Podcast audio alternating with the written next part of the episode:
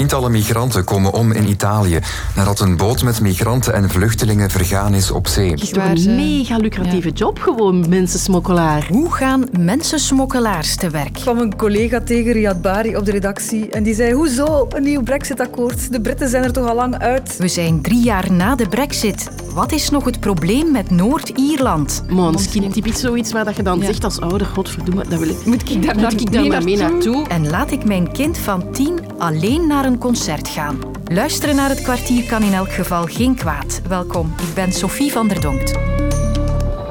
Troppo brutto. Bambini da recuperare. Ci sono parecchi bambini. Troppo brutto, dat is Italiaans en het betekent te lelijk, te gruwelijk. En die woorden vatten wellicht goed samen hoe het er dit weekend aan toe ging op het strand van Steccato di Cutro, een badplaats in het zuiden van Italië. Un barcone carico di migranti naufraga vicino Crotone, quasi 60 Vanmorgen spoelden daar tientallen lichamen aan. Daarbij ook een baby van een paar maanden oud. Gisterochtend sloeg een houten schip met migranten en vluchtelingen aan boord te pletter. Het waren mensen die op een boot zaten richting Europa om hier asiel aan te vragen. Zeker 62 mensen zijn verdronken, onder wie ook 14 kinderen. De Italiaanse hulpdiensten konden zo'n 80 anderen redden. Het zijn niet de eerste en wellicht ook niet de laatste migranten die hun overtocht op de Middellandse Zee niet overleven.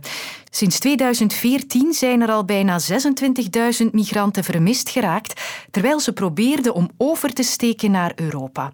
En die mensen doen dat niet op eigen houtje. Ze worden geholpen door mensensmokkelaars die veel geld verdienen aan mensen op de vlucht. Hoe werkt de machinerie achter de smokkelnetwerken? En wat is hun businessmodel? Samen met collega en migratiespecialist Mieke Strinks reconstrueer ik een smokkelroute van het vertrek in het thuisland tot de aankomst in Europa. Laten we beginnen in Afghanistan, pakweg in de straten van Kabul. Hier begint het ronselen. De eerste schakel is absoluut het thuisland. En daar kent iedereen wel via via. Kom je wel bij een smokkelaar terecht. Die opereren vaak via uh, sociale netwerken, zoals uh, Telegram bijvoorbeeld. Er zijn zeker een aantal grote smokkelaars die dus aan het hoofd van een netwerk staan. Maar zij hebben dus een heel netwerk met verschillende onderaannemers, zal ik maar zeggen, die je dan verder kunnen helpen. Want iedereen heeft zijn eigen taak in zo'n netwerk. Bijvoorbeeld zorgen voor vervoer. Die kan zorgen dat je ergens kan logeren of ergens veilig kan slapen. Iemand die zorgt dat de politie bijvoorbeeld een centje betaald krijgt om een oogje dicht te knijpen. Dus al die dingen, daar zijn specialisten voor. Als je geraakt waar je die smokkelaar voor betaald hebt, dan moet je dat posten op het sociale mediakanaal. En als je dan een bewijs gepost hebt van ik ben er ook geraakt, dan moet je betalen en dan kan je de volgende stap nemen. Je geld wordt ergens vastgezet, het wordt pas geïnd op het moment dat je ergens geraakt. Oké, we zijn intussen aangekomen aan de Middellandse zeekust. Nu moet er een hele logistiek in gang schieten voor de overtocht. Dat is een hele operatie, want je hebt natuurlijk iemand nodig die een boot heeft. Je hebt iemand nodig die de boot kan besturen. Je hebt iemand nodig die iets van die haven kent, die iets uh, van die zee kent.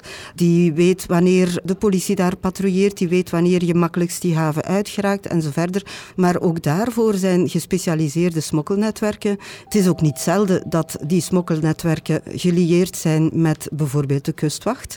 Dat zijn allemaal dingen die verbonden zijn met elkaar. Het zijn vaak gespecialiseerde netwerken die heel goede contacten hebben op alle mogelijke niveaus. Op veel plekken waar er die, die populaire vertrekplaatsen zijn, kan je bijvoorbeeld overal in de winkels reddingsvesten kopen. Of vissers verkopen hun bootjes of verhuren hun bootjes. Dat gaat allemaal samen ook met plaatselijke handel. Mensen die daar in de buurt wonen verdienen daar ook een centje aan bij, zonder echt mee te draaien in die smokkelnetwerken. Maar het gebeurt absoluut. En we hebben geluk. We hebben Europa bereikt en zijn nu in Italië. Maar het stopt hier niet.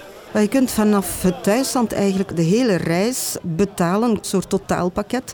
Nu, dat is uh, verschrikkelijk duur. Het hangt er een beetje vanaf, van, vanaf waar je vertrekt en tot waar je wil, wil komen en op welke manier. Ik denk dat we zeker tussen de 10.000 en de 20.000 euro moeten rekenen, als het niet meer is voor sommige trajecten. Maar de meesten dus uh, kunnen dat niet betalen en betalen stukje stukje en doen er vaak ook heel lang over. Dus we hebben de mensen die in Italië willen blijven, maar er zijn mensen die ook verder willen doorreizen. Dan heb je dus opnieuw smokkelaars nodig, zelfs binnen de Schengenzone, waar er in principe geen grenscontroles meer zijn. Ik ben onlangs uh, in Servië geweest bij de grens met Hongarije. Servië is buiten de Europese Unie. Hongarije is de eerste grens van de Schengenzone. Vaak raken mensen dan wel over die grens, maar dan moet je nog verder doorreizen. Dus dan heb je weer een nieuwe smokkelaar nodig die daar met een bestelwagen of een vrachtwagen staat op te wachten en die je bijvoorbeeld tot in Duitsland of in België brengt. Ook dat zijn stappen in die hele reis die je verder moet ondernemen. Het is inderdaad een schaduwwereld. Het is een georganiseerde misdaad. En het is een soort maffia eigenlijk. De smokkel zal blijven bestaan zolang er vraag is. Want mensen hebben allerlei redenen in de hele wereld om te vluchten. Oorlog, armoede, de klimaatverandering. En hoe moeilijker het wordt om grenzen over te steken, hoe groter die vraag aan smokkel zal zijn. Zolang er redenen zijn om te vluchten, zolang zal er inderdaad absoluut ook smokkel bestaan.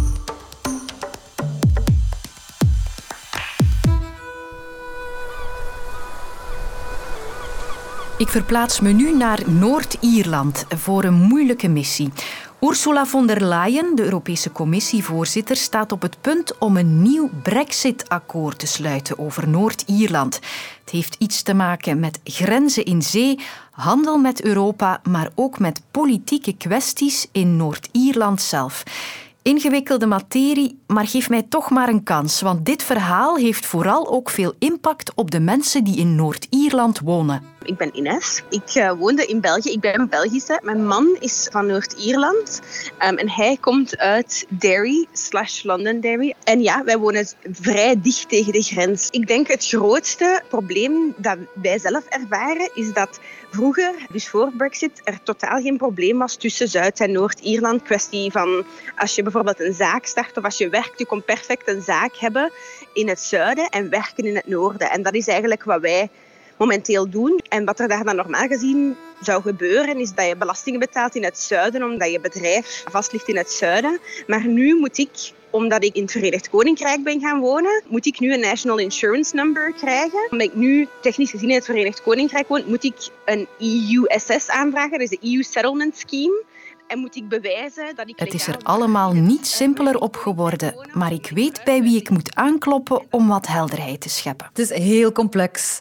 En het is ook heel belangrijk. Het is, zo de, ja, het is de knoop die nooit is opgelost in heel de Brexit-affaire. Veerle de Vos is vandaag onze kapitein in de Noord-Ierse wateren.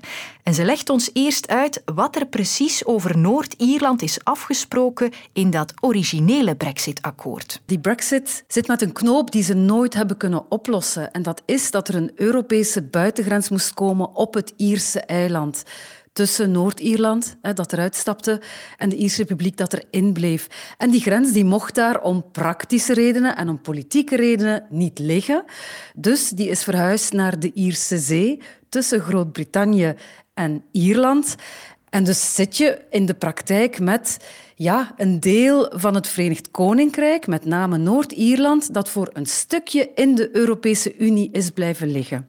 En dan zit je met een situatie die, natuurlijk heel vreemd is. Het Verenigd Koninkrijk wordt dus eigenlijk doorsneden door een grens die weliswaar in de zee ligt, die een deel van dat land toch in de Europese Unie heeft gelaten.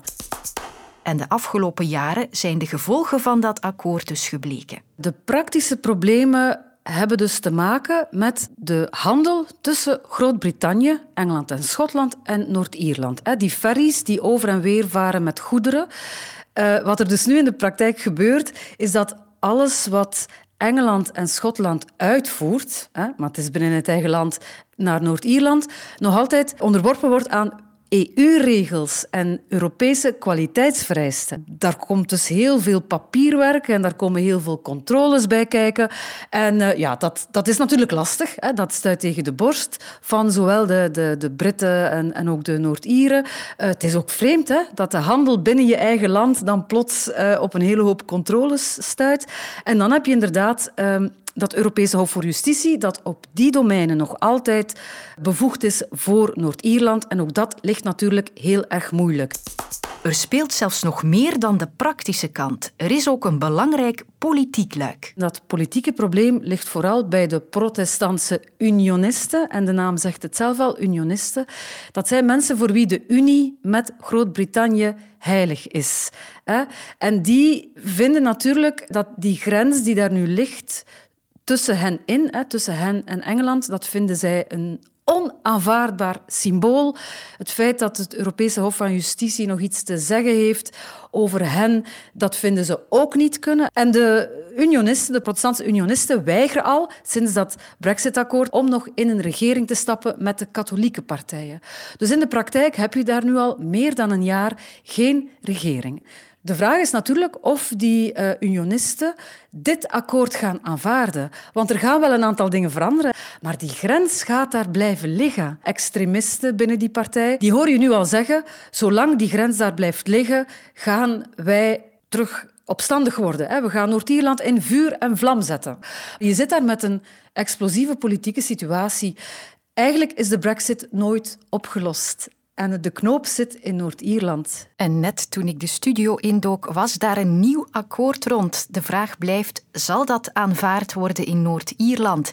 Dit is dus eentje voor de categorie To Be Continued. Voilà, jongen. Veel plezier. Ziet het zitten? Mm Allee, tot straks. Ik kom je halen, hè? Ja.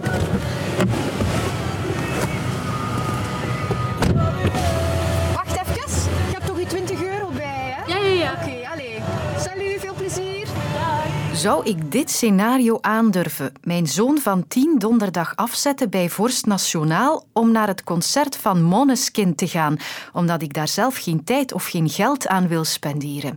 Zoiets gebeurt blijkbaar geregeld, zelfs met heel jonge kinderen, zegt zaaldirecteur Coralie Beraal. soms zijn dat een paar tientallen eh, die we dan ook gemakkelijk uithalen, maar dat kan ook eh, een paar honderd uh, jonge kinderen zijn. Maar wij bekijken ook wat als er een, een noodsituatie plaatsvindt.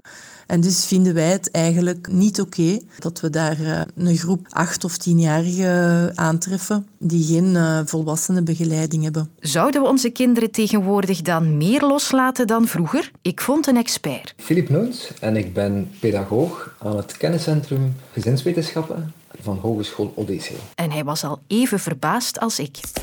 Omdat we weten uit de literatuur dat het net zo is dat ouders net meer waakzaam zijn ten opzichte van vroeger.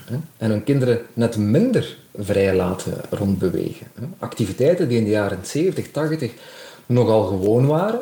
Bijvoorbeeld kinderen die alleen thuis kwamen na school, ehm, die ook eventjes alleen thuis bleven, die met vriendjes buiten gingen spelen zonder dat daar dan precies een volwassene bij was. Die werden toch dan doorheen de jaren zeldzamer en zeldzamer. En nu zouden we dat zelf beschouwen als een milde variant van verwaarlozing in sommige gevallen. Dus we zijn er best zuinig mee om onze verantwoordelijkheid als ouder aan anderen over te laten. Ja, ja, ja, zeker omdat we het ook steeds moeilijker vinden om solidariteit onder volwassenen daar blijk van te geven. Hè. Kijk, helpen we eigenlijk elkaar nog als ouders, als volwassenen in dat socialisatieproces? Hè? Gaan we nog uh, jongeren een beetje een standje geven omdat hij door het rode licht rijdt? Hè? Doen we nog aan dat soort solidaire opvoeding. Dat vinden we toch steeds moeilijker en moeilijker. Laat staan in die omstandigheden waar het dan luid is, waar we eigenlijk gericht zijn op het podium en niet zozeer op de jonge generatie. Dit fenomeen lijkt niet echt in de tijdsgeest te passen, maar het gebeurt dus wel. Maar hoe maak ik dan de afweging of mijn kind klaar is om zonder mij naar een concert te gaan? Goeie vraag en uh, zeer herkenbaar, wellicht voor, uh, voor veel ouders. Ik kreeg enkele nuttige inzichten van Bart Soenens. Ik ben een ontwikkelingspsycholoog aan de Universiteit van Gent. Mijn onderzoek gaat vooral over de band tussen ouders en kinderen en over de rol van opvoeding in de ontwikkeling van kinderen. Ik denk dat er twee elementen belangrijk zijn. Het eerste element is autonomie. Wil uw kind dat zelf eens uitproberen? En de tweede vraag is meer een vraag naar competentie. Acht je je kind in staat om dat op een veilige manier zelfstandig te doen? Het is daar dat toch jouw oordeel als ouder zeer belangrijk is. Je kind zelf kan vinden van ik ben tien jaar, ik ben groot en sterk genoeg, ik kan dit uh, helemaal alleen. Maar als ouder heb je dan natuurlijk ook een belangrijke zeg in. Daar kun je een aantal objectieve elementen toch in rekening brengen. Bijvoorbeeld de vraag of dat zo'n concert überhaupt bedoeld is voor kinderen. Of komen daar ook volwassenen en een gemengd publiek naartoe? Wordt er alcohol geserveerd? Samen natuurlijk ook met de voorgeschiedenis die je hebt met je kind. Als je weet uit het verleden, mijn zoon is te vertrouwen in dit soort situaties, dan is dat een argument in het voordeel. Als je eerder al afspraken hebt gemaakt bij nieuwe activiteiten die werden met de voeten getreden, dan is dat een minpunt, iets wat je in rekening wilt brengen. Maar in dit geval, zo'n concert dat dan bedoeld is eigenlijk voor een gemengd publiek van volwassenen en kinderen, daar lijkt het mij objectief toch aangewezen dat je als ouder zou meegaan. Mijn zoon en ik blijven gewoon thuis donderdagavond, maar bij deze heb ik dus een checklist voor een andere keer. Tot morgen. Luister ook naar Franks en Bilot, waarin Vincent Bilot en Rudy Franks de stand van de wereld opmaken. Nu in de app van VRT Max.